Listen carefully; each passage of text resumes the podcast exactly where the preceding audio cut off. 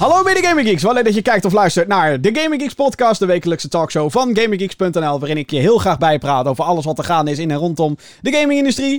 Ik ben Jim en dit is uh, aflevering nummer 94. Datum van opname is 1 september 2019. De meteorologische zomer is voorbij. Ik uh, proost daarop. Opdat we weer lekker binnen kunnen zitten en lekker kunnen gaan gamen. Geintje natuurlijk. Nee, uh, het, uh, ik ben er twee weken tussenuit geweest met de show. Mijn excuses daarvoor. Uh, dat heeft eigenlijk allemaal te maken met Gamescom. Gamescom 2019. De grootste gamebeurs op aarde. Misschien niet de belangrijkste, omdat de grootste aankondigingen worden altijd gedaan in Amerika bij de E3. Dat is meestal waar echt big shit announced wordt. Maar uh, als we kijken naar bezoekersaantallen, dan is Gamescom denk ik de grootste. Dit jaar zijn er 370.000 mensen daar over de vloer van de koelmessen geweest in Keulen, Duitsland. Um, ik heb daar uh, een, uh, een, hele week, bijna een hele week rondgelopen samen met geeks Jesper en Vincent. We hebben daar echt heel veel video's over gemaakt. Echt heel veel. Dus ik zou zeggen, ga naar youtube.com slash gaminggeeksnl. Check daar al onze videocontent. Volgens mij hebben we in totaal 21 video's. Jawel, 21 video's. Dat zijn er heel veel. Uh, met unboxings, met previews, met interviews zelfs nog een paar. Uh, sommige hebben we met z'n tweeën gedaan, andere weer solo-items. Nou, genoeg. Uh, YouTube.com slash GamingGeeksNL. Als je nog niet geabonneerd bent op dat YouTube-kanaal, doe dat vooral. Daar help je mij en mijn collega Geeks ontzettend mee. En um, dan zie ik graag je reactie tegemoet. Wel ga ik het er zo meteen nog even over hebben. Want ik wil toch een kleine top 5 geven. En een beetje dingen die, uh, die ik nog een beetje wil benadrukken. En een beetje ook een titel die ik uh, uh, niet echt op video heb kunnen bespreken nog. Maar dat komt allemaal nog wel. Allereerst dingen die ik uh, naast op Gamescom gespeeld heb. Um, ik ben vooral in een soort van uh, retro vibe. ben ik de laatste tijd sowieso. Dat komt omdat er heel veel retro-achtige games uitkomen. Maar ik heb Red zitten spelen vandaag. En Red is echt een, uh, een, een, een, toffe. Het is een game die is gemaakt door Double Fine. Dat is een studio achter Tim, uh, of, uh, van Tim Schafer. En die studio kan je kennen van onder andere Brutal Legend. Met Jack Black in de hoofdrol. Headlander hebben ze gemaakt. En... God, hoe heette die adventure game ook alweer? Die heel succesvol was op Kickstarter. Broken Age heet die, geloof ik. Anyway, best wel bekende studio. Zijn inmiddels overgekocht door Microsoft. Dus dit is um, volgens mij de laatste game die sowieso multiplatform gaat uitkomen. Het heet dus RAD, R-A-D, mocht je het willen opzoeken. En dit is een zogeheten rogue-like of rogue-lite. En wat dat inhoudt is um, dat uh, als je een game start, dan begin je bij wijze van overnieuw. En uh, terwijl je uh, door levels heen gaat, um, vind je items en die kunnen je eventueel sterker maken of bepaalde attributen hebben. Althans, dat is in de meeste roguelikes is dat zo. En uh, als je doodgaat, uh, ja, heb je pech. Dan moet je weer overnieuw beginnen met uh, kans op andere items. Is een beetje random generated. Vaak zijn er levels ook randomly generated, gebaseerd op een aantal layouts. En dat soort dingen. Hier zijn er heel veel van inmiddels. Er zijn echt ontzettend veel roguelikes. ik denk dat de populairste, of een van de bekendste, The Binding of Isaac is. Wat ook echt een, uh, wat dat betreft echt een klassiekertje is. Wordt nog steeds ontzettend veel gespeeld op, uh, op Steam. En op consoles ook ongetwijfeld. Maar ik denk dat die op Steam uh, het, het, populairste is. En Red um, ja, pakt wel heel veel dingen van die formule. Wat ik al zei, random items, random, random, random, random. Dat je bijvoorbeeld niet altijd weet wat je van tevoren gaat krijgen als je iets oppakt. Dan moet je een beetje die kennis moet je vergaren. Wat Red heel tof maakt, voor mij, is de stijl. Uh, Red klinkt al heel erg... Oké, okay, Red, Cowabunga. Een beetje die periode. Uh, het heeft ook echt een hele jaren 80 vibe met van die dikke synthesizer muziek en uh, overdreven... Er is zo'n overdreven zware voice-over die, die commentaar geeft op wat er af en toe gebeurt in het spel. Dus als je bijvoorbeeld een paar floppy disks, dat is je geld, en cassettebandjes... Als je, als je bijvoorbeeld allemaal van die uh, disketjes of cassettebandjes oppakt, zegt hij ook cash. En dat soort dingen. Het is echt een hele toffe stilo heeft het. Maar het heeft ook een uh, shell-shaded stijltje. En wat het voor mij uniek maakt, is de manier hoe je levelt. En dat heeft eigenlijk meer te maken met het uiterlijk dan met de gameplay zelf. Zo heb je experience. Als je een level up gaat, dan krijg je een zogeheten mutation erbij. Want de game speelt zich af in een um, post-post-apocalyptisch aarde. Waarbij je um, eh, waarbij de wereld eigenlijk helemaal aan de klote is. Alles is gemuteerd. En jij wordt als uh, tiener wordt jij erop uitgestuurd om leven terug te brengen in onze wereld. En um, wat dat inhoudt is dat je uh, als je genoeg upgrades behaalt en je, en je behaalt bepaalde punten, dan zie je ook daadwerkelijk gras groeien en plantjes groeien en dat soort dingen. Het ziet er echt ontzettend tof uit. De kleuren poppen echt van je scherm af. Het heeft een beetje een cel-shaded stilootje. Um, dus heel erg cartoony, maar wel op een toffe manier. En dat hele muteren, dat is dus ook onderdeel van de gameplay, wat ik al zei. Hè. Je kan levelen, je kan ook uh, bepaalde dungeons in. En daar kan je uh, uh, mutaties vinden bij soort van ancient stenen. En um, wat er dus gebeurt, is dat je door die mutations krijg je bepaalde krachten. Je begint bijvoorbeeld elk potje met enkel een, een honkbalknuppel.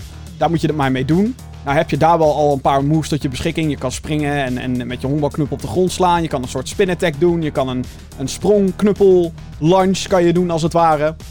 Uh, dus wat dat betreft heb je eigenlijk al heel veel opties. Maar uh, met die mutaties krijg je dus vaak nog meer opties. Er zijn passieve effecten, zoals dat je bijvoorbeeld onsterfelijk bent voor giftig water. Uh, dat je een extra hartje erbij krijgt, zodat je meer hits kan hebben voordat je doodgaat. Um, en nog meer van dat soort dingen. Je hebt usable items, die bijvoorbeeld health herstellen. Of tijdelijk uh, 100% crit damage doen. Allemaal van die soort hele gamey-achtige tafereelen. Maar je hebt dus ook mutaties die jou krachten geven. En je ziet deze mutaties ook daadwerkelijk op jouw character. Zo heb ik een uh, run gehad waarin ik een, vuurarm had. Letterlijk een firearm. En dat is heel handig, want ineens ben je niet meer afhankelijk van enkel je honkbalknuppel om damage te doen. Maar nu kan je ook daadwerkelijk gaan schieten. Uh, maar je hebt dus dan daadwerkelijk een brandende arm. Uh, zo was er ook een andere upgrade waarbij ik meer uh, afstand had wat betreft mijn honkbalknuppelslagen. En dat betekent, in het geval van hoe je eruit ziet, dat je arm een soort van beest erbij krijgt. Dus heel gek, maar wel ontzettend tof gedaan. Dus um, plus 400 eigenlijk voor de stijl van de game. Verder zit de gameplay er tot dusver goed in elkaar. Verschillende bosses, verschillende enemies. Het is echt een beetje um, het doel om alle patronen te leren van alle vijanden. Zodat je exact weet, oh, dit is wat ze nu uh, kunnen gaan doen. Nu moet ik dodge rollen om weg te komen. Um, en, en ja, het, je kan het ontzettend snel oppakken.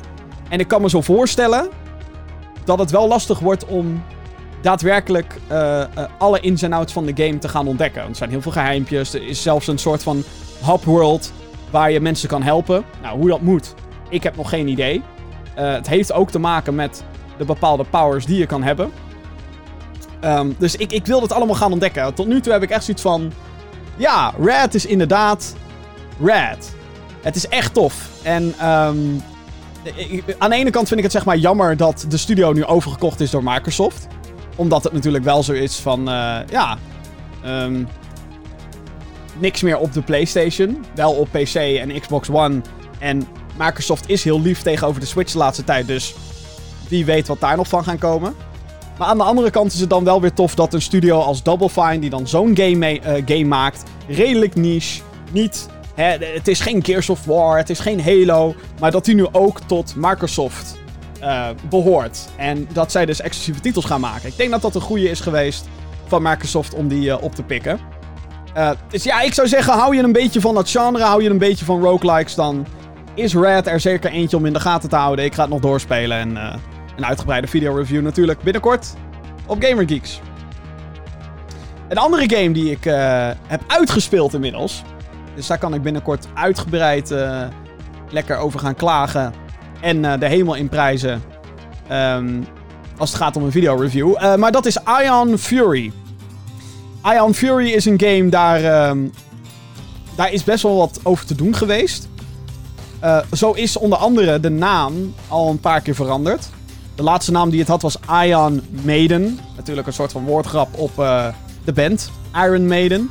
Waar het niet dat de band uh, zelf dat niet zo heel grappig vond. En toen besloot om een rechtszaak aan te spannen. Waardoor uh, de game dus van naam veranderd moest worden naar fucking Ion Fury. Wat fucking bullshit is. Maar hey, hè, wat doe je eraan? Niet heel veel. deze game wordt gemaakt door een studio genaamd Voidpoint. En is uitgebracht door 3D Realms. En fans van het shooter-genre die zullen dat ongetwijfeld uh, bekend voorkomen. Want 3D Realms is ooit verantwoordelijk geweest voor Duke Nukem 3D en Shadow Warrior.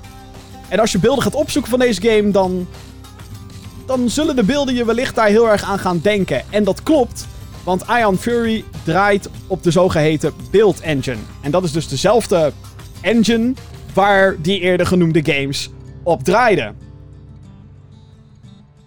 En dat is eigenlijk ontzettend cool. dat we in 2019 leven en dat er gewoon een game wordt uitgebracht op die tech. Of althans de basis van die tech. Het is wel um, technisch gezien superieur aan wat we in de jaren 90 hadden. Want de dingen die ze hier doen met die engine. Ik denk niet dat de originele beeld van Duke Nukem 3D bijvoorbeeld. Dat die uh, dit zou kunnen draaien. Want er gebeurt ontzettend veel in de levels. Er zijn allerlei lichteffecten ook aanwezig. Die voor een groot deel volgens mij niet mogelijk zijn op de originele engine. Maar het kan zomaar zijn dat ze met hele slimme trucjes dat alsnog voor elkaar hebben gekregen. En um, het is in die zin een hele basis first-person shooter. A la Duke Nukem 3D, a la Shadow Warrior. Blood kan je er ook makkelijk bij noemen. Ook dezelfde engine. Uh, doe eens simpel. Uh, bereik het einde van de level. En um, in de tussentijd zijn er natuurlijk weet ik hoeveel vijanden die jou kapot willen maken. En uh, jou dood willen hebben. En op de een of andere manier hebben deze games een charme. Waar, waar ik gewoon althans heel veel gevoelens bij heb. En die gevoelens zijn natuurlijk van het feit dat het Duke Nukem 3D 1996 kwam die uit. Ik speelde het als klein jochie, speelde ik het al. Ja, ik was veel te jong om die shit te spelen. Maar hey, ik vond het fantastisch toen al. En uh, vind het eigenlijk nog steeds heel leuk. En ook als je niet nostalgisch bent voor die games... dan is het alsnog, denk ik, de moeite waard om sowieso Duke Nukem... en, en, en dat soort andere games een keer te gaan spelen. Omdat ze nog steeds heel erg speelbaar zijn. Het is nog steeds echt tof om, om, om om te spelen. En, en, en heel vaak heb ik er bij mezelf over getwijfeld van... Ligt dat gewoon aan mij? Is dat zeg maar een nostalgisch iets? Om, omdat ik zoiets heb van ja... Uh, ik heb dit vroeger gespeeld, dus vind ik het tof. Of het lijkt op dingen die ik vroeger heb gespeeld en dus vind ik het tof. Nou, met Ion Fury heb ik dus zoiets van... Nee, die games waren echt goed. En, en deze game is ook echt heel tof. Uh, omdat het gewoon hele toffe, gecompliceerde levels heeft. Je raakt er wel af en toe in verdwaald, wat ik een beetje vervelend vind. Maar het is gewoon echt lekkere, ongegeneerde actie is het.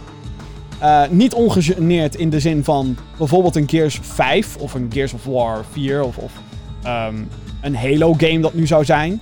Uh, die, die games zijn veel meer filmachtig of cinematic, zoals ze dat heel graag willen noemen. Um, nee, dit is gewoon echt jaren 90 videogame actie. En uh, in die zin heel erg leuk, omdat het, omdat het gewoon zo simpel is qua opzet. Alleen het spelen zelf is qua besturing natuurlijk wel simpel. Hè? Gewoon uh, richten met je muis, WASD. Uh, je moet bepaalde wapens, kan je nu wel reloaden. Iets wat in de jaren 90 iets wat minder van toepassing was. Uh, zeker bij dit soort games. Um, dat kwam eigenlijk pas later toen de, de Half-Lives en de Unreals en, en dat soort games wat meer tevoorschijn kwamen. Dit is eigenlijk... Deze type games waren vlak daarvoor. Um, maar dat, ja, ik, ik, ik heb hier zo erg van genoten. Ik heb het al uitgespeeld. Ik heb er een uur of tien heb ik erover gedaan om de main campaign uit te spelen. En dan durf ik daarbij ook wel te zeggen dat ik best wel langzaam ben gegaan in deze game. Af en toe ging ik gewoon een paar rondjes het level doen om nog wat geheimpjes te ontdekken. Uh, dus in die zin, uh, ja, wel uh, een lekkere knalgame. Er is onlangs toch wel wat controverse geweest omtrent deze titel. En het is zeg maar controverse waar ik dan zo niet blij mee ben. Dat ik denk, oh jongens, jullie hebben dit soort negatieve aandacht eigenlijk helemaal niet nodig. Nou, wat is er aan de hand? Normaal zou ik dit in het nieuws bespreken, maar ik kan het net zo goed nu doen. Um, wat is er aan de hand? Uh, er is namelijk... Er werden twee homofobische dingetjes gevonden in Ion Fury. Eentje is een... een, een, een ja, moet ik het zeggen? Zo'n zo'n zo'n shampoo of zeep spuitflesje. Als ik het goed zeg. Uh, je weet wel, met zo'n dingetje erop. Ik maak het allemaal niet beter door het op die manier te noemen. Maar, uh, en daar staat OG op. O-G-A-Y. Het is een... Ik weet niet, eigenlijk niet eens wat de grap is. Misschien is het een, een, een referentie naar een of ander Amerikaans merk, wat ik niet snap. Uh, want er zitten heel veel referenties in naar andere bekende merken. Uh, er worden referenties gemaakt naar Breaking Bad, naar Duke Nukem natuurlijk, naar andere populaire games. Half-Life, naar Unreal. Nou goed, eigenlijk alle populaire dingen worden hier bijna wel benoemd. Uh, een aantal memes komen ook voorbij natuurlijk. Eh, de one-liners die je main character, Shelly Bombshell, uitspat, die, die zijn natuurlijk ook allemaal popculture. Het is, het is allemaal een beetje speels. Dus ik weet niet waar dat OG dan op slaat. Ehm, en het is ook een beetje flauw. Ja, een beetje flauw. Wat vervolgens gebeurde, is dat men niet alleen dat ontdekte, maar ook in een kamer waar je normaal niet bij kan. Maar als je een, eh, een clip cheat aanzet, kan je gewoon door muren lopen. En toen had iemand het woord fagbag ergens gevonden. Dit is zo stom. Zo stom dat mensen dat in die game laten. Ja, weet je, intern worden er altijd wel grapjes gemaakt. Uh, uh, bij, bij iedereen van alles nog wat. Er worden altijd dingen gezegd die natuurlijk eigenlijk niet kunnen. En weet je, ik, ik vind ook een term als fagbag, jongens, kom op. Weet je in wat voor tijd leven we nou tegenwoordig. Uh, en dat, dat, dat je dat nog in die game blijft. Dat, dat, erin, dat het erin is blijven zitten. Dat ze dat hebben laten schieten. Als het ware. Ik snap dat niet. Nou goed, dat hebben ze inmiddels verwijderd, dat woord. In dus ergens een geinkamertje waar je normaal tijdens de game niet bij kan. Alleen weigerden ze vervolgens, de ontwikkelaar en de uitgever, die weigerden vervolgens wel OG uit de game te halen. Waarom? Omdat ze dat dan zien als censorship. En dit is een gedeelte die ik niet snap. Waarom is het censureren van, of waarom is het weghalen van één grapje waar je 14.000 andere betere grappen voor in de plek kan zetten. Als je het aan mij vraagt, want ik vind OG vind ik nou niet dat bepaald grappig of zo. Nogmaals, kan ook zijn omdat ik niet snap aan wat voor merk ze refereren, maar... Ik, dat noemen ze nou ineens censorship. En ik vind dat heel erg jammer. Uh, dan merk je toch dat er een soort zuur nasmaakje komt aan hoe een ontwikkelaar zich gedraagt. En um, hoe ik me daar uiteindelijk over voel. En nogmaals, kijk, mij heeft het totaal niet afgeleid van het spelen. En ik hoop dat als andere mensen dit gaan spelen, dat ze zich daar ook niet door laten afleiden. Ik kan me alleen wel voorstellen dat als je het nu super beledigd vindt wat ik net heb gezegd, dan, ja, dat, dan ben je misschien ook in die zin tegen deze mensen en wil je hun je geld niet geven. En nogmaals, dan vind ik het zo stom dat ze op die manier gereageerd hebben. Hoe is het hoe is het verwijderen van één referentie nou fucking censorship? Ik, ik begrijp het aan de ene kant ook wel. Ze hebben natuurlijk al genoeg gezeik gehad omdat ze de hele naam moesten veranderen van Iron Maiden naar Iron Fury. Omdat Iron Maiden kennelijk ook niet tegen een grapje kon. Sterker nog, het uh, zou de band alleen maar helpen. Want wat ik al talloze keren heb gezegd, als je googelt op Iron Maiden, krijg je echt niet de game, maar dan krijg je de band. Maar dat is gewoon jammer. Gewoon een beetje jammer dat het gebeurd is. Verder, uh, binnenkort ga ik een uitgebreide review doen op GamingGeeks.nl natuurlijk van Ion Fury. Uh, ik zou zeggen uh, bij deze alvast, ben je fan van Duke Nukem? Ben je fan van Blood? Ben je fan van Shadow Warrior? Um, ja, dan moet je dit eigenlijk wel spelen. Want dit is eigenlijk gewoon een spirituele opvolger van die dingen. En dat is te gek. Te gek dat het überhaupt gemaakt kan worden. Nog, nu nog. Zometeen ga ik het hebben over uh, onder andere een nieuwe Shovel Knight. En Yakuza, die Yakuza-franchise, die gaat een compleet andere kant op. Hoe zit dat? Nou ja, ik uh, vertel het zo meteen aan je. Maar eerst toch nog eventjes terugblikken naar Gamescom 2019. Ik zei het aan het begin van, uh, aan het begin van de show al. we zijn zes dagen lang, als ik de... Ja, gewoon alle dagen dat we games hebben gespeeld. Zes dagen lang zijn we over de beurs heen gegaan van uh, de koelmessen in Keulen. En dat was uh, druk. Maar het was ook weer te gek, omdat je toch wel weer in het middenpunt staat van allerlei games die daar zo ontzettend groot worden gepresenteerd.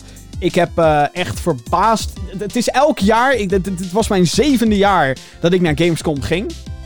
En elk jaar ben ik gewoon weer verbaasd. Elk jaar zit ik weer toch met open mond te kijken naar die gigantische hallen van de koelmessen. Die gevuld staan met nou, bijna attracties uit de Efteling gewoon. De, de, Borderlands 3 stand bijvoorbeeld was gewoon één groot carnaval festival gebeuren. De, de, de PlayStation stand waren van die hele, hele grote blauwe muren met zo'n PlayStation logo erop. En dat iedereen zich afvraagt, wat gebeurt daarachter?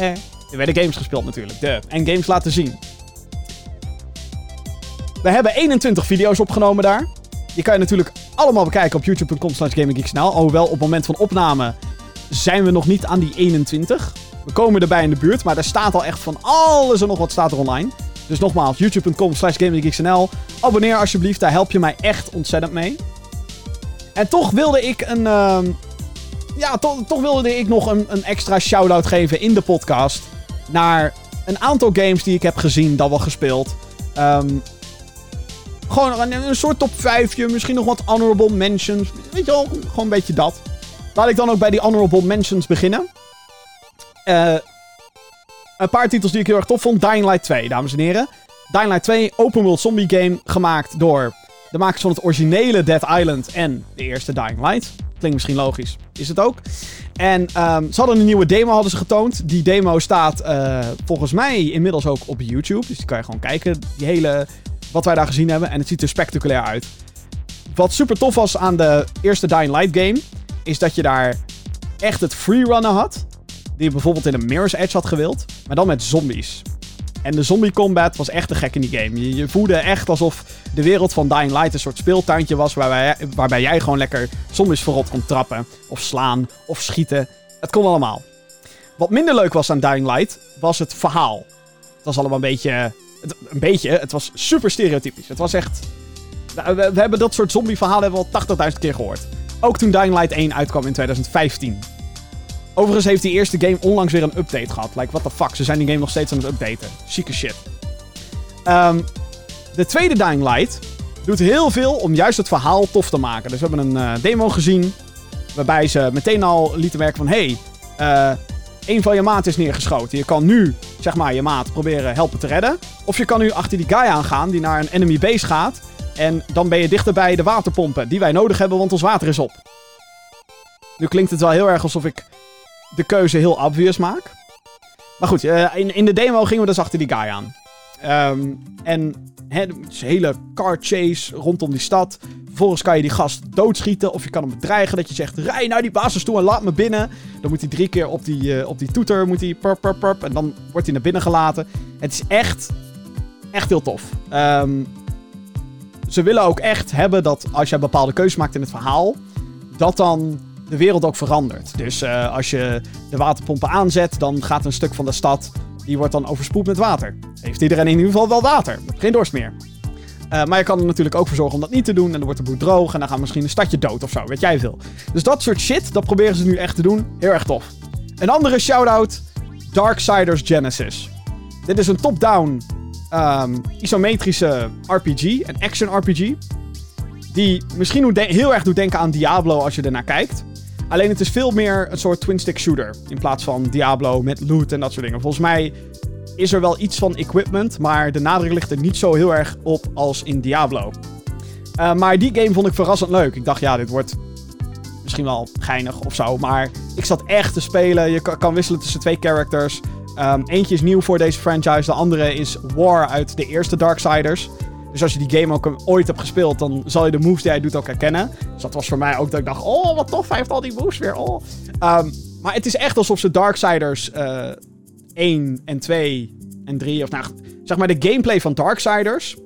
Maar dan vanuit een ander perspectief, letterlijk. En ik vond het heel tof. Dat, dat, dat was voor mij een verrassing. Ik dacht echt, dit wordt mediocre, dit wordt, het zal wel. Maar uiteindelijk, nou ja, heb ik het er nu weer over. Dus ehm, dat. Andere toffe, Gears 5 komt eh, volgende week al uit. Heb ik ook zin in hoor. Ik heb de Horde mode kunnen spelen. Er staat een video van online. Ehm, van Darksiders trouwens ook. Van Dying Light trouwens ook. Dus nogmaals, youtube.com slash. Maar oh, Gears 5 wordt gewoon weer heerlijk knallen. Echt weer lekker knallen. Eh, met, met een tof groot verhaal en, en zat multiplayer standen. Of ik er tijd voor heb, is natuurlijk een tweede. Eentje waar ik geen video over heb kunnen maken. Ehm, dat is Blasphemous. Ik heb Blasphemous, Blasphemous even kunnen spelen op eh, Gamescom. En ehm, nou, het is een game die je waarschijnlijk niet kent. Dat maakt niet uit. Eh, daarom ben ik hier. Het is B-L-A-S P-H-E-M-O-U-S. Dus, oh, Blasphemous. Het is Blasphemous. En dit is een game die ik het beste kan omschrijven als Dark Souls meets 2D Castlevania. Eh, het is gebaseerd op ehm, ja, sowieso die twee games, maar dan met eh, heel veel artistieke inspiratie van Spaanse kerken. De developers komen uit Spanje. En die hebben daar echt heel veel uh, cues en, en artistieke dingetjes uitgehaald. Het is een pixel art game. En, uh, eigenlijk een 2D actiegame. Die niet uh, loopt te klooien. het is geen makkelijke game. Maar het heeft wel die Dark Souls elementen in de zin van dat je upgrades hebt. In de zin van dat als je bij een checkpoint komt, dat al je health gerestored wordt. En dat alle enemies weer terugkomen. Je hebt ook bepaalde punten die je kan verzamelen. Die je voor een deel verliest als je doodgaat. En die kan je dan weer terugpakken. Een beetje, ja, wederom à la Dark Souls. Um, dit was een game waarbij ik echt dacht, wauw, wat ze met een paar pixels kunnen doen. Um, het is een beetje raar om natuurlijk continu over graphics te hebben in een, uh, in een, uh, in een podcast. Maar je moet je zeg maar voorstellen dat, dat je... Als ik zeg pixel art, dan denk je ook misschien wel aan letterlijk Nintendo 8-bit. Maar er kan zoveel meer gedaan worden met, met, met 2D art dan dat. En soms brengen die pixels, die, die overigens vaak natuurlijk expres erin worden gezet... Die brengen vaak toch een extra charme met zich mee. En Blasphemous probeert echt dat hele duistere sfeertje te creëren. Uh, en slaagt er ook heel erg in. Uh, je wordt er bijna droevig van als je te veel gaat nadenken over waar je naar kijkt. Uh, maar dan in een soort positieve zin. Hè? Want jij bent toch een beetje de redder van die wereld. Jij wilt het licht weer terugbrengen in de duisternis. Um, dus ik heb het ook zitten spelen. Wat ik al zei, het is heel erg uitdagend. Um, in de positieve en ook een beetje de ouderwetse zin. Ja, als je een beetje games van uh, de NES en, de Super Nintendo gaat spelen, dan is dat toch echt wel. Nou ja, ik wil niet zeggen per se een stuk. Nou ja, is het lastiger? Ik, het is minder vergevelijk, laat ik het zo zeggen. En, en deze game doet daar ook heel erg aan mee. Um, het is wel uh, in die zin een, een, uh, een Metroidvania, zoals ze dat noemen. Dus je hebt een soort van open wereld waar je doorheen reist. En je kan backtracken als je bepaalde items hebt, zodat je wellicht bepaalde deuren kan openen. Uh, dus dat maakt het. Uh, dat gaat waarschijnlijk voor een heel verslavend uh, effect zorgen. Ik wist dat toen ik aan het spelen was. Ik zat echt stuk bij een bepaald. of vast bij een bepaald stuk. dat moet ik zeggen. Ik ging heel vaak stuk. Ehm, maar het is ook weer een, een, een, gevalletje. patronen leren van enemies. En wat jij met je character eigenlijk kan doen om die patronen te doorbreken. Of in ieder geval op het juiste moment toe te slaan. En ik merkte dat bij de hands-on demo die ik had, dat ik zoiets had van, oh wauw, ik wil eigenlijk doorspelen. Ik wil eigenlijk, oh wauw, dit, dit kan echt te gek worden. Oh, weet je wel, dat, dat, dat, idee heb ik. Ondanks dat ik echt iets van vier, vijf keer ben doodgegaan op hetzelfde stuk. Ik dacht echt, nou, nou nu lukt het me. Echt waar, nu lukt het me. En uh, ik merkte dat ik veel beter werd in de game al binnen een half uur. Dus als je dat gevoel al in een half uur kan creëren, laat staan in de volledige game. Uh, Blasphemous komt uh, op 10 september uit. Dus dames en heren, ik zou zeggen, hou deze ook zeker wel in de gaten. Goed, uh, dan nu mijn top 5. Mijn top 5 van Gamescom 2019. Overigens is dit allemaal objectief natuurlijk. Of subjectief. Objectief, lol. Subjectief allemaal. Um, het is eigenlijk gewoon als iemand tegen mij zou moeten zeggen: Jim, wat zijn je vijf favoriete dingen van Gamescom die je hebt gezien of gespeeld? Dan is dit het. Oké. Okay. Op nummer 5 wil ik toch wel uh, benoemen. En het is heel stereotypisch om inmiddels te zeggen. Maar nummer 5 voor mij is Cyberpunk. Cyberpunk 2077. Nieuwe game van de makers van The Witcher franchise. Game franchise. Um, komt in april 2020 uit. Uh, we hebben een demo gezien waarbij we veel meer van de RPG-elementen zagen. We zagen een beetje uh, het verschil tussen. Uh, als je alles op strength gaat inzetten. Of alles op hacking skills. Uh, dat je elke situatie echt op bepaalde manieren kan, uh, kan uh, noem je dat? Approachen. Dat je dingen anders in kan plannen. Dus heb je bijvoorbeeld heel veel skills in hacks gedaan, dan kan je camera's hacken. Dan kan je de wapens van vijanden uitschakelen. Dan kan je een vending machine hacken, zodat vijanden afgeleid zijn. Die denken, huh, wat gebeurt daar? Maar ga je alles voor, voor strength en dat soort dingen, dan, ja, dan kan je gewoon alles lekker kapot knallen. En deuren open, niet rammen, maar openmaken met je, met je blote handen. En dat soort dingen. Dus dat, uh, dat vond ik echt te gek. Uh, Cyberpunk wordt er eentje waar, denk ik, de halve wereld zich op gaat verheugen. En dat heeft zeker ook wel te maken met uh, niemand minder dan Keanu Reeves, die een best wel grote rol gaat spelen. Andere honorable mention, of nou, honorable mention in mijn top 5. Call of Duty Modern Warfare. Dit had ik zo niet verwacht. Dat ik dit tof ging vinden. Want hallo, Het is Call of Duty. Ik, ik heb een haat-liefde verhouding met Call of Duty. Alleen ik heb uh, de 2v2 mode kunnen spelen op de PC. Uh, er is inmiddels ook een, uh, een alpha geweest van de zogeheten gunfight mode op de PlayStation 4. Maar ik heb die motors op, op RTX on, 4K, weet ik hoeveel frames per second, blablabla. Op een veel te dure computer heb ik die kunnen spelen. En het was te gek. Ik vond het zo intens en zo heftig. In een hele toffe zin. De wapens voelen zwaarder aan dan ooit. Um, waardoor je echt een beetje die, die impact voelt. Van als je een wapen afvuurt. Maar het heeft nog wel de snelheid en, en, en de precisie die je van Call of Duty gewend bent. Ik vond het echt. Ik had ook echt niet verwacht dat ik het tof ging vinden. Ik dacht, gadverdamme, weer een Call of Duty, Modern Warfare, whatever. Weet je al, jullie zijn creatief bankrupt. Omdat jullie gewoon weer Modern Warfare. Maar uh, ja, mijn mondje is gesnoerd. Ik, uh, ik vond het echt heel tof. Dus uh, 25 oktober komt hij trouwens uit voor PlayStation 4, Xbox One en PC. Ik kan niet wachten, dames en heren. Op Call of Duty Modern Warfare. Oké, nummer 3. Uh, hier moet ik eigenlijk een beetje een disclaimer bij doen. Want ik werk namelijk uh, bij een marketingbedrijf die de PR doet voor de uitgever van deze game, Private Division. Um, maar. En dus, dus neem alles wat ik zeg met een korrel zout. Maar geloof mij maar. Disintegration, dames en heren. Disintegration is een game die is gemaakt door V1 Interactive, een studio die is opgericht door Marcus Leto. Hij is een van de geestelijk vaders achter Master Chief en Halo.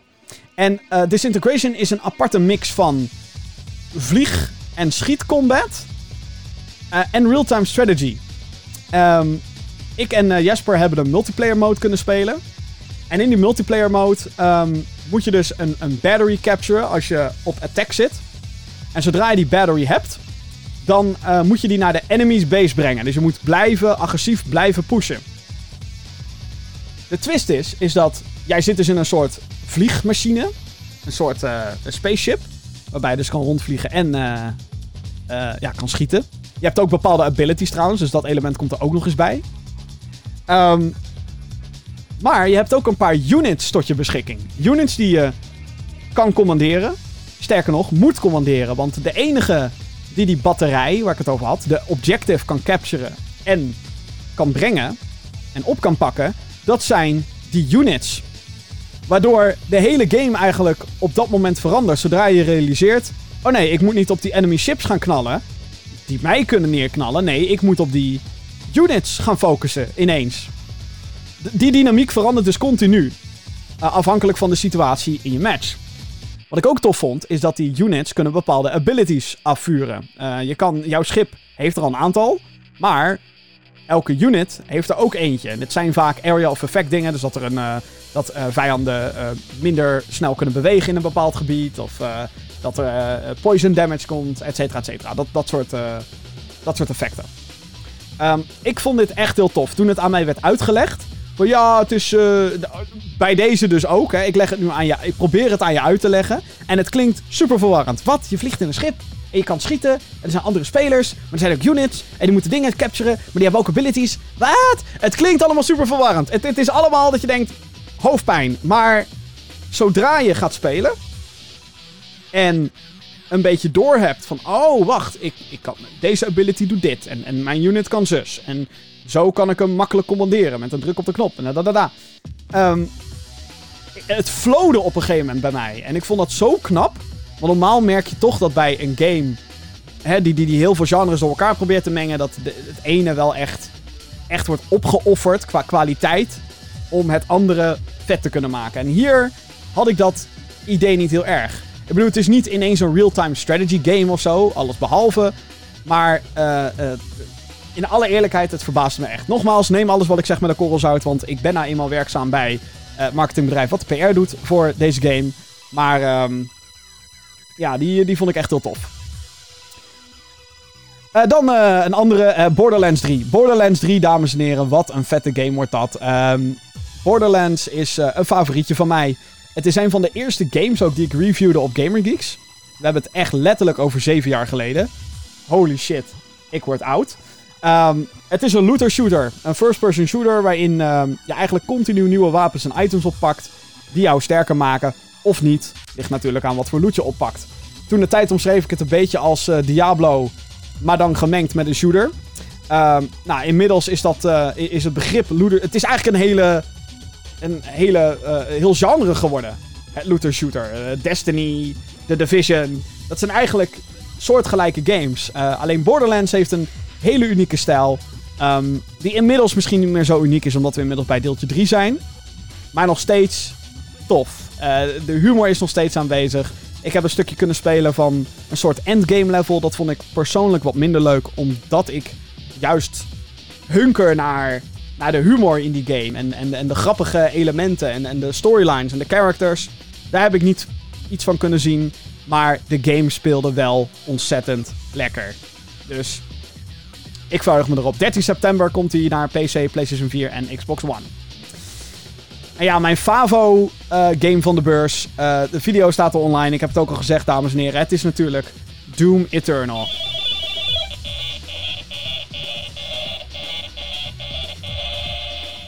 Dat was een Doom tune, by the way, voor degenen die, het niet weten. Doom Eternal speelt zo lekker. Het is ongelooflijk. Ik kan eigenlijk... Uh, als iemand me nu zou aanbieden om te zeggen... Hey Jim, we kunnen jou bevriezen. En dan word je op 22 november wakker om dan Doom Eternal te kunnen spelen. Ik zou het doen. Um, ik kan het ook bijna niet omschrijven. Het speelt zo goed. De actie is keihard. Het, het, het, alles reageert zoals je het zou willen. Um, maar ondanks dat het heel goed is, en ondanks dat ik allerlei demons kapot knalde, is het niet makkelijk. Uh, de game. Uh, het, lijkt wel alsof de game veel meer enemies op je afgooit dan in de vorige game. Uh, de vorige game was Doom 2016. en ik zeg 2016 erachter omdat het een reboot was. Ik haat het als ze dat doen, by the way. Ja, zelfs Doom 2016. De naam daarvan vind ik kut. Omdat het nou ja, omdat ik er 2016 achter moet zeggen. Anyway, Doom Eternal um, heeft dat probleem dan wat minder. Maar uh, het is echt gewoon de vorige game. Maar dan heftiger, mooier. Uh, wellicht ook beter. Tot dusver vind ik van wel. Um, als ik enkel moet uitgaan van de 30 tot 40 minuten die ik heb kunnen spelen. Maar ik, ik, zat zo erg te genieten. Ik zat echt gewoon. Ik, ik ben iemand die op. als, ik, als ik een game speel dan kan ik best wel luid zijn in, in wat ik vind. En, en, en wat ik aan het doen ben. En bij andere games zat ik dan ook best wel soms iets te hard op die beurs. Eh, dan zit je daar met andere journalisten en dat soort dingen. En dan zit ik, wow, wat? Weet je dat? Uh, maar bij Doom was ik stil. En ik was daar heel stil omdat ik gewoon met mijn bek vol tanden... Ik had gewoon kwel op dat toetsenbord daar. Waarschijnlijk hebben ze een ander toetsenbord moeten, moeten halen. Want ik zat gewoon van, wauw, wat, wat is dit te gek. De game was ook heel populair op de beurs trouwens. Ik, um, vlak voor mijn persafspraak ging naar de consumentenhal, naar de consumentenstand. Dit was op een... volgens mij was dit op woensdag. De Gamescom woensdag. En dan moet je je voorstellen dat vrijdag en zaterdag zijn de drukste dagen op Gamescom. Dan is het alleen maar zweten daar, want alles staat vol met mensen. Het is echt ongekend druk dan. Dit was nog niet eens een van de drukste dagen en de wachtrij voor Doom was meer dan 3,5 uur. En ik kon het niet geloven. Het was. Uh, of het zo lang wachten waard is om, om zeg maar 20 minuten te kunnen spelen. Dat betwijfel ik, maar zo ontzettend vet. Echt, echt ongelooflijk. Dus ja, dat zijn een beetje de highlights van Gamescom uh, 2009. Zo, dik. 2019. Uh, nogmaals, wat ik al zei, youtube.com slash gaminggeeksnl. Dat is het adres waar je naartoe moet voor alle video-impressies. We hebben ontzettend veel gespeeld. Uh, niet alleen ik, maar ook uh, Vincent en Jesper dus. Dus uh, gaat dat zien, dames en heren. Gaat dat zien, gaat dat zien. YouTube.com slash. En als je er dan toch bent, abonneer natuurlijk op dat YouTube-kanaal. Goed, dan gaan we een beetje naar de headlines van de afgelopen week. Want er is natuurlijk veel meer gebeurd dan enkel en alleen Gamescom 2019. ik heb een selectie gemaakt ehm, van wat ik wel ja, leukste nieuws vond. Allereerst is er nieuws over um, Shovel Knight. Ja, er, komt, uh, er zijn nieuwe dingen aangekondigd voor Shovel Knight. In december komen er namelijk uh, twee nieuwe uh, Shovel Knight dingetjes uit. Allereerst is het een Super Smash Bros.-achtige mode die Shovel Knight Showdown heet.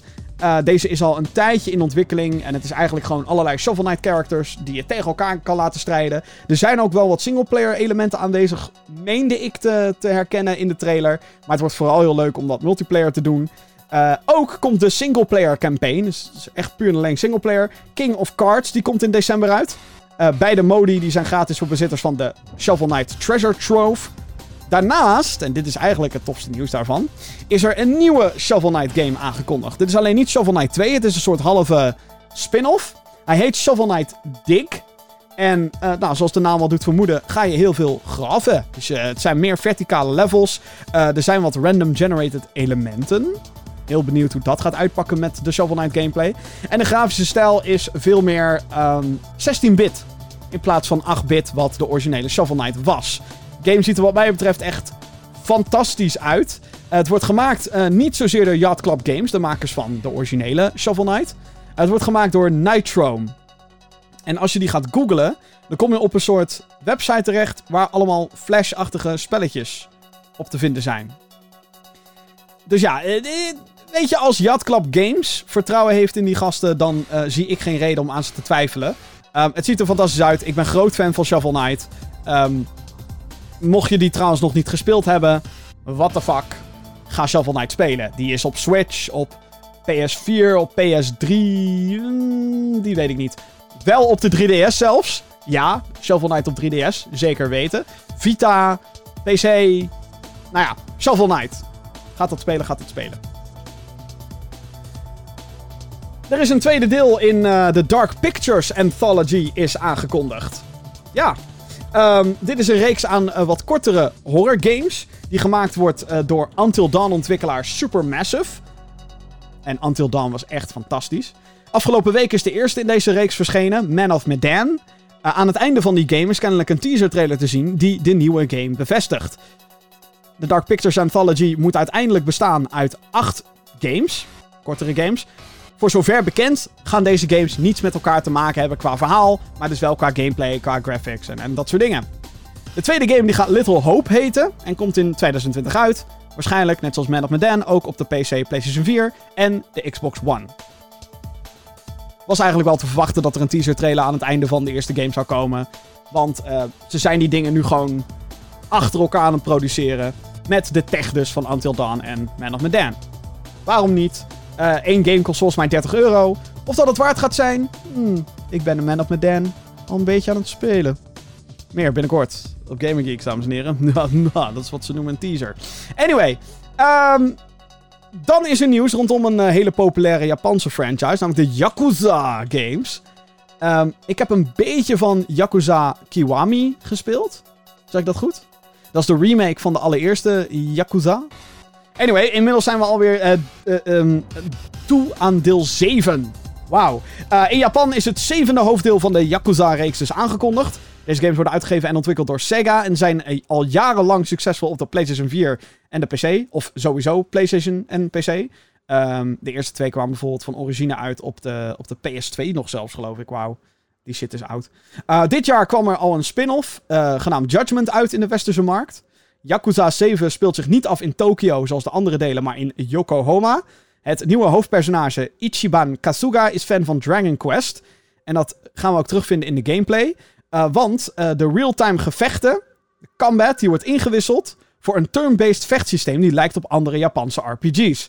Dit is voor het eerst in de reeks. De makers hebben al gezegd dat als fans dit in de uiteindelijke game helemaal niets vinden, dat het systeem dan wellicht weer wordt teruggedraaid in een mogelijke Yakuza 8. Op 16 januari 2020 verschijnt de game in Japan op de PlayStation 4. Wanneer de game naar het westen komt, dat is nog niet bekend. Dus ja, dat is wel interessant eigenlijk. Dat ze een compleet andere kant op gaan met, uh, met, met de franchise. Uh, heel gedurfd. Uh, je zou denken dat ze dat juist in die spin-offs zoals Judgment zouden doen. Judgment heeft de combat, maar is volgens mij veel meer gebaseerd op het hele um, detective gehalte van de game. en in de rest van Yakuza speel je dus als een lid van de Yakuza. Zeg maar Japanse maffia. Heel erg cliché gezegd. Ben benieuwd hoe dit ontvangen gaat worden. volgend jaar dus op PS4 in, in, in Japan. Er komen remasters aan van de oude Lion King en Aladdin games. Ja, what the fuck? Dit kwam echt uit het niets deze week. Ik dacht echt, nee joh, dit is een grapje. No fucking way. Maar, ik stik er weer erin. het was dus wel zo. Excuus. Het was dus wel zo.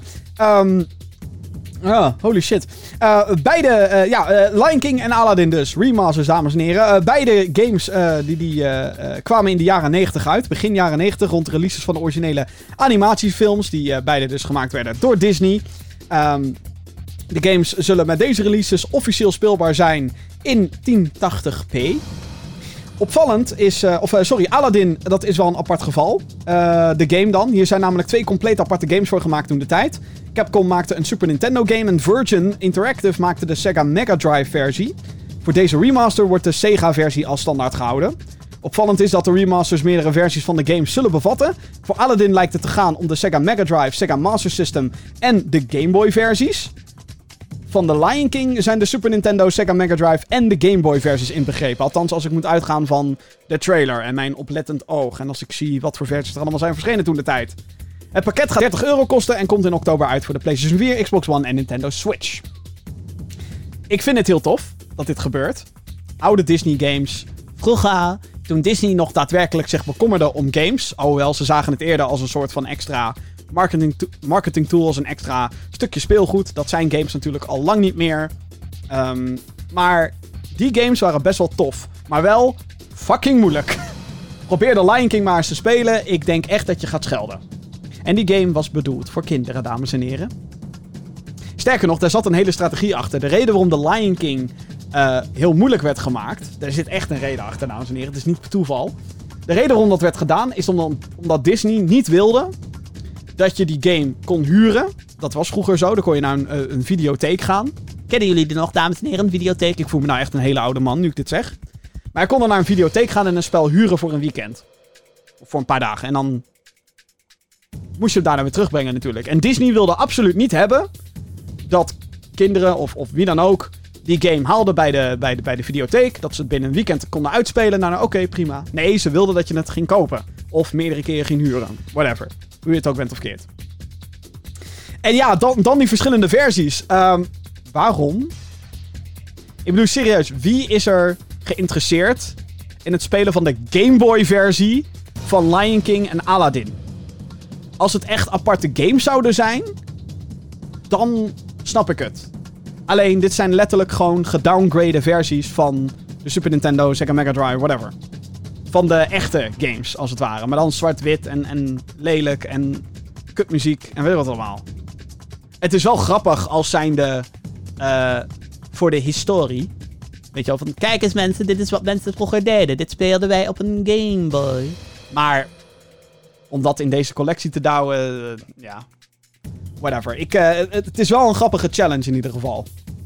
Om te zeggen, hé hey jongens, speel de Game Boy versies uit. De Game Boy versie van The Lion King in oktober 2019. What the fuck. Uh, laatste nieuwtje, een opvallend verhaal. Telltale Games die keert namelijk terug. Soort van. De studio, bekend van onder andere The Walking Dead games, A Wolf Among Us en vele andere games gebaseerd op licenties, zoals Jurassic Park, Back to the Future, Batman, Guardians of the Galaxy en Game of Thrones. Uh, die studio moest vorig jaar zijn deuren sluiten in het midden van het laatste seizoen van The Walking Dead gameserie. Uiteindelijk wist Skybound, die de rechten voor The Walking Dead beheert, ontwikkelaars bij elkaar te krijgen om het laatste seizoen, seizoen alsnog af te maken. Uh, dat kwam echt uit het niets, by the way. Dat was echt gewoon. Telltale, ja, gaat wel lekker daar. Ze brachten continu games uit, continu nieuwe seasons. Uh, Batman kreeg een tweede seizoen bijvoorbeeld. Ze deden ook Minecraft Story Mode, by the way. Die gingen ze maken voor Netflix en dat soort shit. En ineens was het. Boom, we zijn weg. We gaan sluiten. Doei. Ze hadden ook nog een Stranger Things game in ontwikkeling. Uh, en nog een tweede seizoen van Wolf Among Us. Nou, dat soort shit allemaal. Um, dat was echt in één keer patsboom klaar. Dat was. Dat... What the fuck was dat? En nu denk je, oh tof, ze komen terug, wat leuk. Nou, dit verhaal, hè, ik bedoel, het klinkt leuker dan dat het is. Want het is niet zo dat het oude team weer opnieuw een studio heeft opgebouwd. Of dat er überhaupt nu een studio is. Nee, een bedrijf genaamd LDG Entertainment heeft het merendeel van de rechten overgekocht. Ze zijn wel van plan om weer Telltale Games uh, uit te gaan brengen. Uh, bijvoorbeeld de games die nu van digitale storefronts verwijderd zijn, die willen ze weer opnieuw erop zetten. Zodat je het weer gewoon kan kopen. Uh, en ze willen vervolgen maken op bestaande reeksen. Ze willen, ze willen daarbij onder andere oude leden van het team terugbrengen op freelance basis. Like, what the fuck. Um, of dit allemaal gaat lukken, dat is nog maar de vraag. Want ja, als ik dit zo lees en, en zo een beetje zie, de situatie, dan hmm, weet ik niet of we daar zo heel positief over moeten zijn. Dus ja, dat is een beetje, een beetje gek. Het is gewoon een rare situatie. Sowieso omdat het zo groot wordt aangekondigd. Dit is zeg maar een gevalletje waar je makkelijk in hashtag fake news kan trappen. Omdat je inderdaad denkt, oh, Telltale Games is terug, wat tof, ze zijn er weer. Nou, niet echt. Maar whatever. Ik neem een kijkje in de mailbox, podcast.gaminggeeks.nl. Dat is het mailadres waar jij uh, um, uh, al je vragen kwijt kan. Als het gaat om uh, videogames of andere dingen die je in deze show kwijt wilt. Ik heb er heel wat gekregen, waarvoor mijn dank. Dank jullie wel, echt ontzettend tof. Dus ik ga er even doorheen. Beste Geeks, uh, dit is een mailtje van René. Beste Geeks, ik keek laatst op Netflix een show genaamd Patriot Act with Hassan Minhaj. Als ik het goed zeg nu. Excuses als ik het niet doe. Dat is een soort zondag met Lubach, maar dan in Amerika. In seizoen 4 is een aflevering over de gamingindustrie en over de arbeidsomstandigheden. Hebben jullie deze aflevering gezien? En zo ja, hoe denken jullie erover? En zo niet, wat vinden jullie van de situatie in de industrie op het gebied van de arbeidssituatie? Met vriendelijke groet, René. Ik heb deze shit inderdaad niet gezien. Maar als het inderdaad een zondag met Lubach is, dan weet je dat je deze shit niet serieus moet nemen, toch? Want zondag met Lubach eh, is een en al satire. Al zei het wel met een politiek ondertoontje. Ik bedoel, Arjan Lubach die wil heel vaak wel gewoon een punt maken.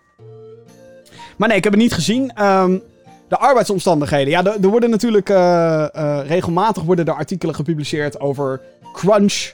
Ja, over overwerken en over hoe slecht mensen het hebben bij die studio's. Uh, en de studio's waar het eigenlijk gewoon heel leuk is en, en goed gaat, daar hoor je niemand over. Um, het is allemaal relatief natuurlijk. ik denk dat games ontwikkelen hard werken is. Uh, ik bedoel, ik ben iemand die speelt games, die bekritiseert games op Gaming Geeks. Hi, leuk dat je luistert. Um, en het is natuurlijk heel makkelijk om... En, en dat geef ik zelf ook toe, weet je wel. Dat, dat, dat wat ik doe... Ik wil het niet per se makkelijk noemen wat ik doe. Een podcast en video's maken en, dat, soort dingen. Ik probeer er echt wel... Probeer, ik, ik steek er heel veel moeite en energie in. Um, maar we nemen denk ik uh, for granted hoe magnifiek het eigenlijk is dat wij met een controller popjes kunnen besturen op het scherm. En hoe er een verhaal is wat ons mee kan slepen. En hoe wij, uh, zeg maar, plezier kunnen halen uit, uit, uit de gameplay-elementen die, die, die allemaal maar bij elkaar komen. Echt de grootste projecten. Uh, we kunnen natuurlijk makkelijk bitchen op, op EA en dat soort shit. En, en, en vaak ook terecht, by the way. Het is niet alsof de ontwikkelaars geen kritiek verdienen. Omdat het lastig is om games te maken. Maar bij deze mijn punt. Het is super lastig om games te maken. Echt heel lastig. Um, en ik, ik kan me ook bijna niet voorstellen dat er een, een game uitkomt zonder dat daar voor is overgewerkt. En dat klinkt super stom dat ik dit zeg. Maar je gaat me echt niet vertellen dat, dat bij God of War bijvoorbeeld, hè, waar je niks over kan vinden als het gaat om, om, om oh, het is dat slecht en oh, Sony en uh, weet je, kut. Uh. Ik kan er echt helemaal niks over vinden. Alleen maar positieve geluiden. Ook omdat de game natuurlijk super goed is. Dus dan kijkt men al veel minder om naar. Oh, wat hebben ze daar gedaan eigenlijk? Goed werk geleverd hebben ze. Maar je gaat me echt niet vertellen dat daar niet een paar mensen keihard hebben zitten. Minstens een paar mensen keihard hebben zitten overwerken. Um, dus ja, zijn het al slechte arbeidsomstandigheden? Ik heb geen idee. Um, het, het, het, het, verschil per bedrijf. Uh, elk bedrijf heeft een andere bedrijfscultuur. Um, het ene werkt heel goed voor bepaalde mensen. En dat werkt heel erg averechts voor andere mensen. Voor de ene uh, functie moet je veel stressbestendiger zijn dan de ander. Dat klinkt alsof de ene meer doet dan de ander. Dat is niet per se waar. Dat is gewoon anders. Een andere functie en het werkt dan anders.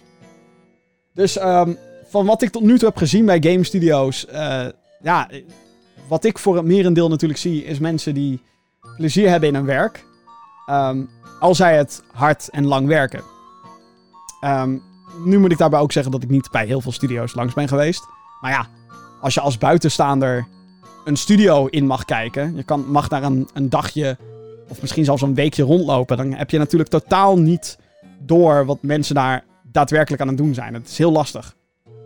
Maar, nou ja, ik, er zijn natuurlijk verhalen van bijvoorbeeld de Fortnite developers die uh, keihard moeten overwerken. En, die, die, die, die, die ze, ze, hebben het dan ook over werkweken van 100 uur. Ik geloof daar persoonlijk niet zo erg in. Ik, ik, 100 uur, dames en heren. Ga eens even oprecht na wat dat betekent. 100 uur in een week. Ik, ik geloof daar gewoon niet heel erg in.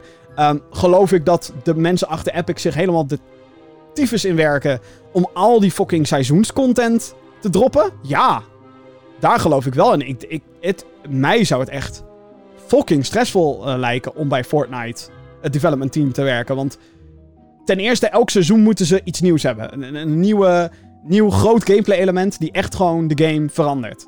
Uh, denk aan het vliegen, of aan die hamsterbal, of aan die mech suits. En, en dat moet je dan allemaal balancen. Het moet allemaal goed werken. 100 spelers tegelijkertijd moeten ermee kunnen. Weet je wel, het is. En dan hebben ze ook nog eens die, die, die, die, die uh, dat die map weer verandert en dat daar weer andere dingetjes bij komen kijken. Dan hebben ze ook nog eens die crossover events. Nu is er weer een Borderlands event.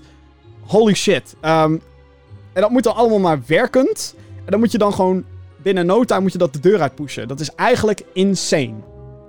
Het is eigenlijk bizar hoe Fortnite dat doet.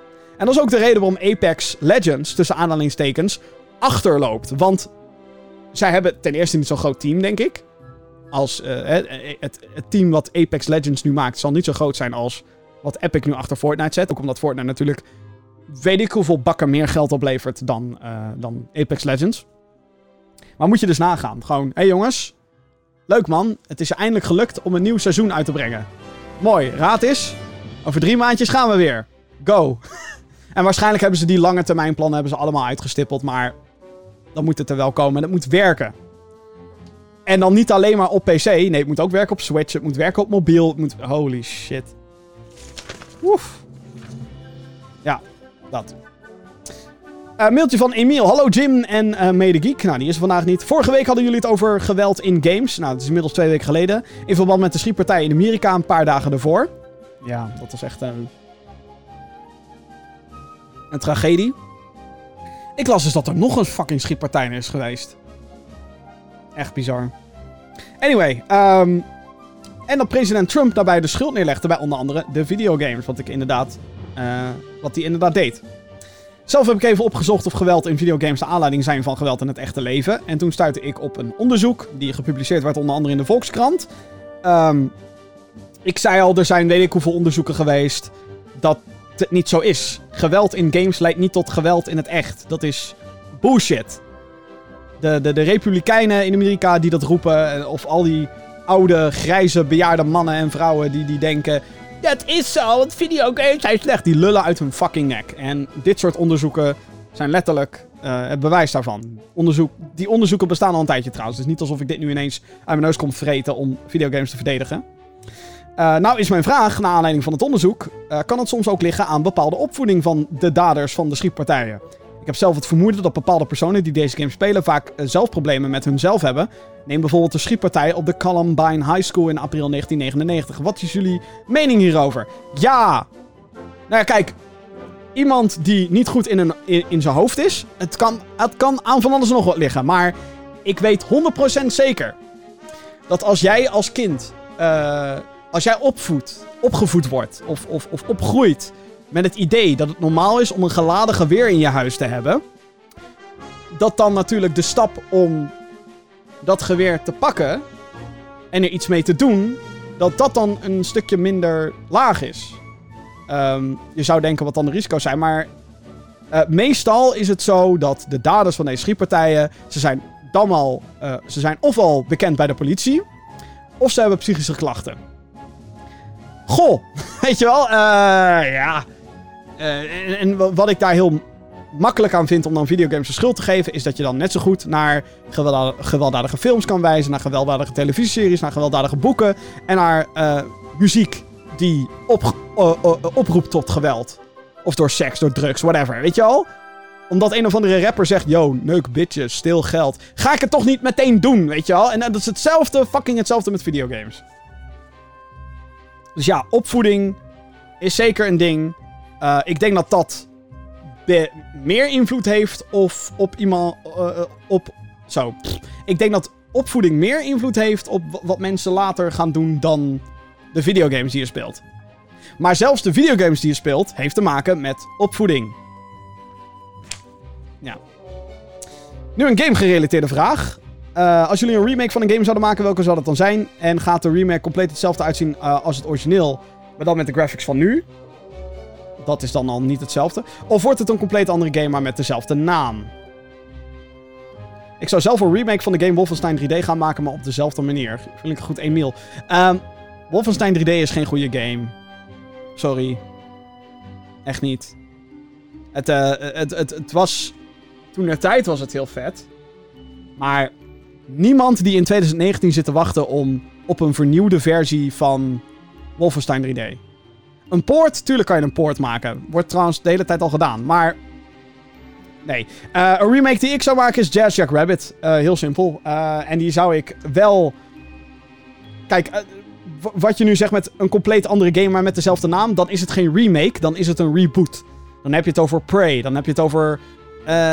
Jeetje, een ander voorbeeld. Tomb Raider. Hè, dat is. De, draagt de naam Tomb Raider. Is een nieuw begin van de serie. Maar heeft eigenlijk niks met de originele game te maken. Qua level design niet, qua verhaal niet, qua Behalve dat Lara Croft is natuurlijk. En Tomb Raider. Maar, weet je wel, dat is een reboot. Nee, uh, Jazz Jack Rabbit zou ik remaken. En dan zou ik er wat meer elementen van deel 2 in, in gaan stoppen.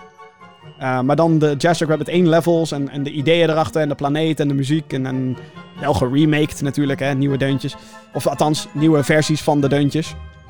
En dan maar dan uh, met meer een Jazz Rabbit 2 camera perspectief. Jazz Rabbit 1 daar is je main character heel groot. En je kan dus niet heel goed zien wat er op je afkomt als je snel gaat rennen. In Jazz Rabbit 2 kan het wel. Dus dat zou ik dan wat meer erin brengen. Waar het niet dan wel dat je ook de levels moet gaan aanpassen op een Jazz Rabbit 1. Want die zijn natuurlijk helemaal gebouwd rond dat cameraperspectief en zo. Maar dat zou ik doen. Jazz Rabbit. Een vraagje van Mick.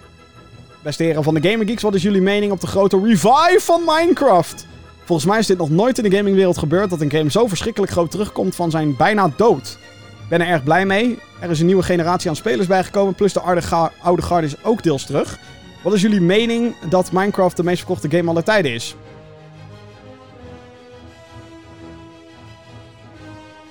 Um, ja, volgens mij zijn het GTA 5 en Minecraft die inmiddels uh, die strijd een beetje met elkaar aan het uh, vechten zijn. Maar volgens mij staat Minecraft met stip bovenaan. De vraag die je eerder moet stellen is: Is Minecraft ooit dood geweest? Ik weet niet waar de zogenaamde revival ineens vandaan komt. Wat ik denk dat er is gebeurd, is dat YouTube-algoritmes in, ineens weer zijn veranderd. Waardoor het voor bepaalde mensen weer heel interessant is om Minecraft te gaan spelen op YouTube of te streamen. Um, dus, dus de bijna dood van Minecraft is natuurlijk fucking bullshit. Ik denk dat het een hele goede achter de schermen marketingtruc is geweest. Ik weet er overigens niks vanaf. Kan, kan gelul zijn wat ik zeg. Maar het komt wel echt ineens uit het niets. Net zoals dat Sea of Thieves ineens populair werd op Twitch. En dat mensen dachten, oh, Sea of Thieves is nu goed. Nee, dat was gewoon omdat er een marketingpush werd gedaan. Die niet in de vorm van traditionele advertenties was, maar door influencers die boel weer te laten streamen en dat soort dingen. Dus, um, ja, het, ik, ik, ik, geloof hier niet zo erg in. Ik, ik heb niet het idee dat Minecraft ooit is weg geweest. Ik denk wel wat er is gebeurd, is dat heel veel mensen, uh, zeker op YouTube, die zijn natuurlijk jarenlang alleen maar fucking Minecraft wezen spelen. Omdat Minecraft het populairste ooit was. Toen kwam Fortnite en toen ging iedereen vol op Fortnite. Fuck Minecraft. Dat is dan wat mensen denken en zeggen. Het is niet zo dat dan bijna niemand ineens meer Minecraft speelt. Bullshit. Dat gebeurde nog wel. En dat gebeurde met de miljoenen. Dat gebeurde nog weet ik hoeveel. Minecraft was niet bijna dood. Onzin. Um, dus ja, het is grappig. Het is leuk.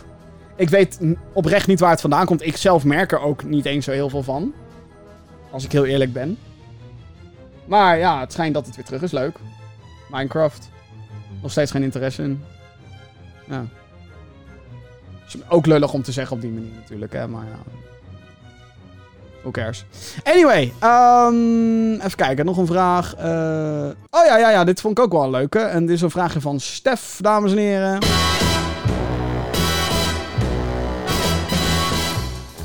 Beste Jim en Mede Geek. Die is er niet. Onlangs is No Time to Die aangekondigd, de 25e James Bond film. Allemaal leuk en aardig, maar waar zijn de games? De laatste was de matige 007 Legends. Die kwam uit in 2012, geloof ik. Wauw. 2013 misschien? Wauw, ook lang geleden. Wat moet volgens jullie in een perfecte Bond-game zitten en wie moet hem maken? Ik zelf wil liefst een origineel verhaal met huidige ontwikkeld door Crystal Dynamica's. Je bedoelt Crystal Dynamics. Eh, ja, wat in een Bond-game moet zitten, dat kan natuurlijk verschillen. Afhankelijk van je smaak. Dus ja. Ehm, weet je wel, wil je bijvoorbeeld meer een spionnenbond? Wil je meer een knalactiebond? Weet je wel, je, je, hebt, je hebt James Bond first-person shooters gehad, die eigenlijk een soort van Call of Duty clone waren. Je hebt uh, halve stealth games gehad en je hebt hele filmachtige third-person actiegames gehad, waarbij alles er nog wat ontplofte, bla bla bla. EA heeft eigenlijk best wel veel geëxperimenteerd in die tijd. Um, wat moet in een perfecte Bond-game zitten? Ik denk dat je echt een goede mix moet kunnen vinden van um, spionagewerk. Wat volgens mij nog nooit echt gebeurd is in een Bond-game. Is dat je vrouwen moet kunnen verleiden. Want hé, hey, je bent James Bond. Dus zoiets zou ik echt wel willen zien in een, in een nieuwe Bond-game. Dat je gewoon op een vrouw af kan stappen en dat je dan gesprekskeuzes krijgt. En dan. Dat je op die manier misschien informatie kan vergaren of wat dan ook. Dat lijkt me heel vet als zoiets uh, zou kunnen. Um, en het lijkt me tof als je een game krijgt waarbij je de keuze zelf maakt. Wil je Rambo Bond zijn?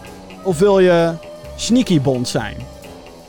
Wil, je, wil je van die gekke gadgets gaan gebruiken om je vijanden uit te schakelen? Of gewoon een gun pakken?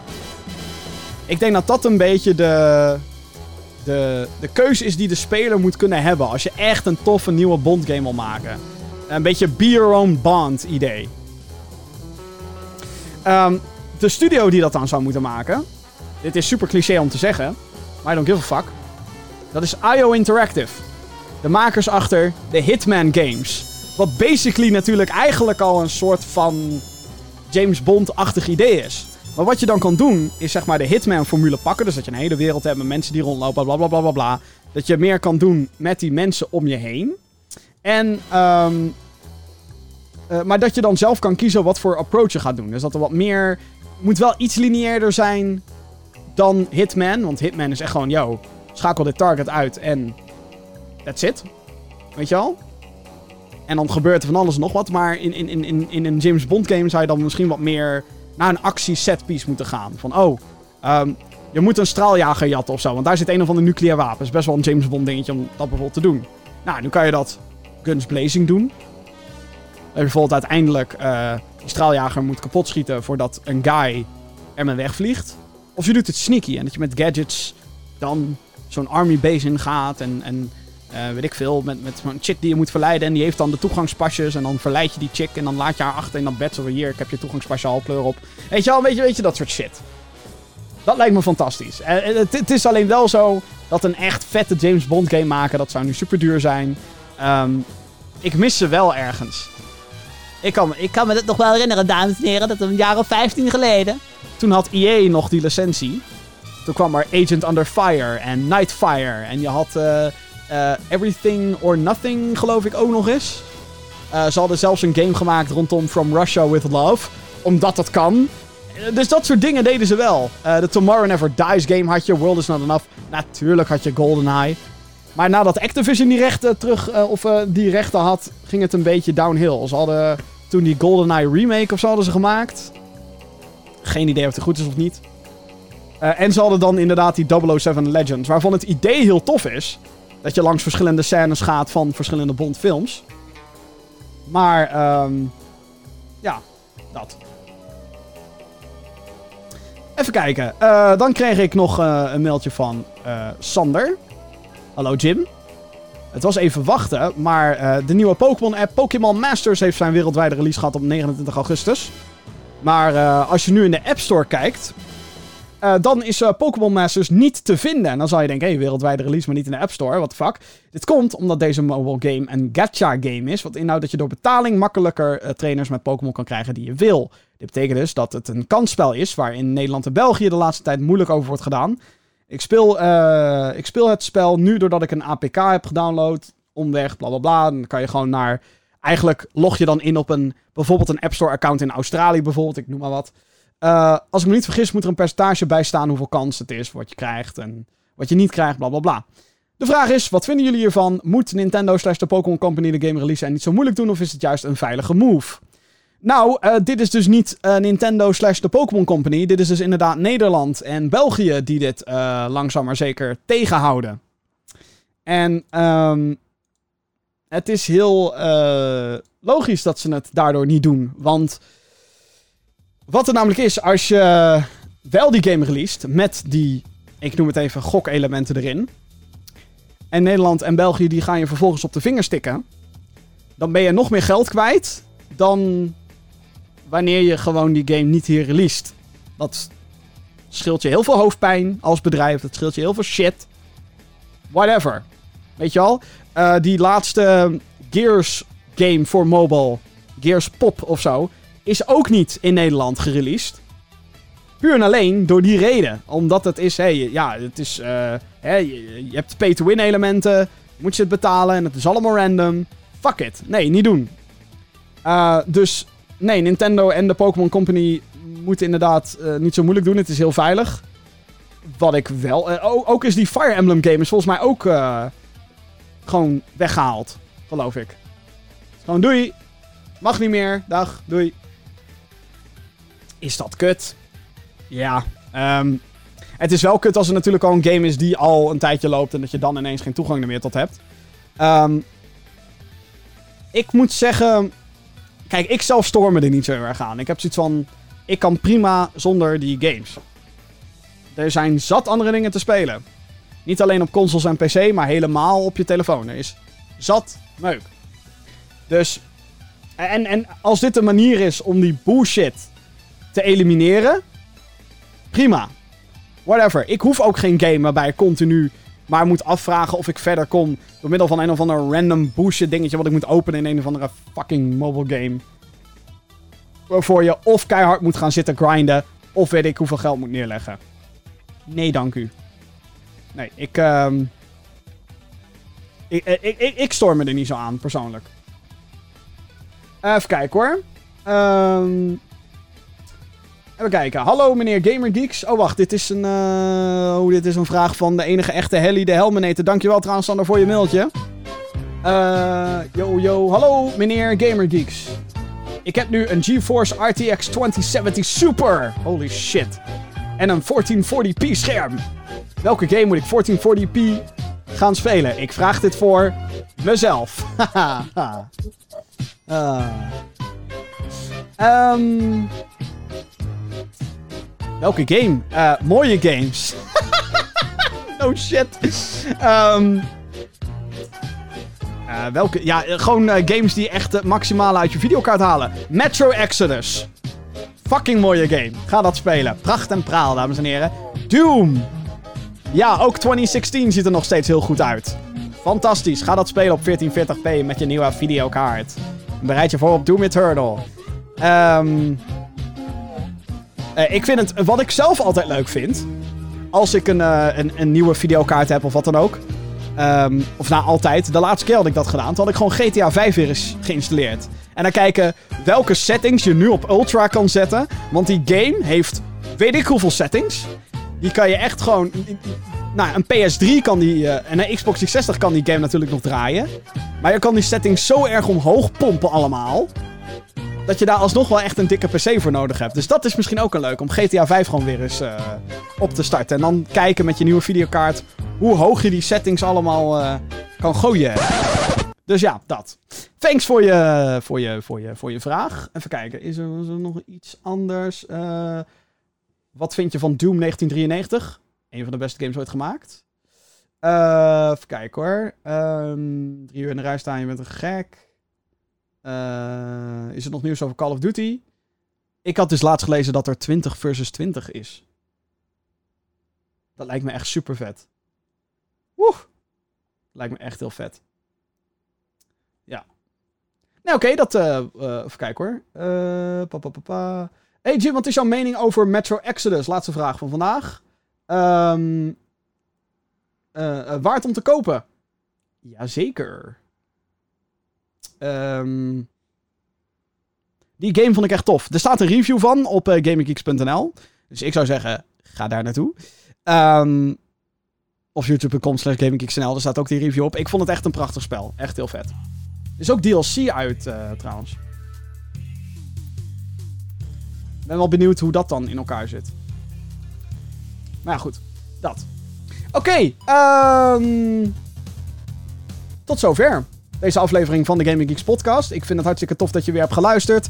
Uh, mocht je deze podcast uh, nu ergens toevallig zijn tegengekomen en je wilt deze podcast direct ontvangen in je podcast feed zodra deze uit is, dan zou ik zeggen uh, abonneer op de Gaming Geeks podcast op je favoriete podcastdienst. Denk aan Google Podcast, Apple Podcast, Spotify, iTunes. Als je op een dienst bent of luistert waar je reviews kan achterlaten, sterretjes en dat soort dingen, doe dat vooral. Positieve ratings worden altijd gewaardeerd natuurlijk. Uh, ik heb het al weet ik hoe vaak gezegd, maar uh, op youtube.com slash gaminggeeksnl staat al onze Gamescom content en nog meer video's. Daar is ook een videoversie van deze podcast te vinden. Uh, dus abonneer op dat YouTube kanaal, youtube.com slash. En voor het laatste gaming nieuws natuurlijk ga je naar www.gaminggeeks.nl. Goed, um, bedankt voor het luisteren naar deze 94e aflevering van de Gaming Geeks podcast. Ik spreek je graag heel snel nog een keer en tot de volgende. Tot later!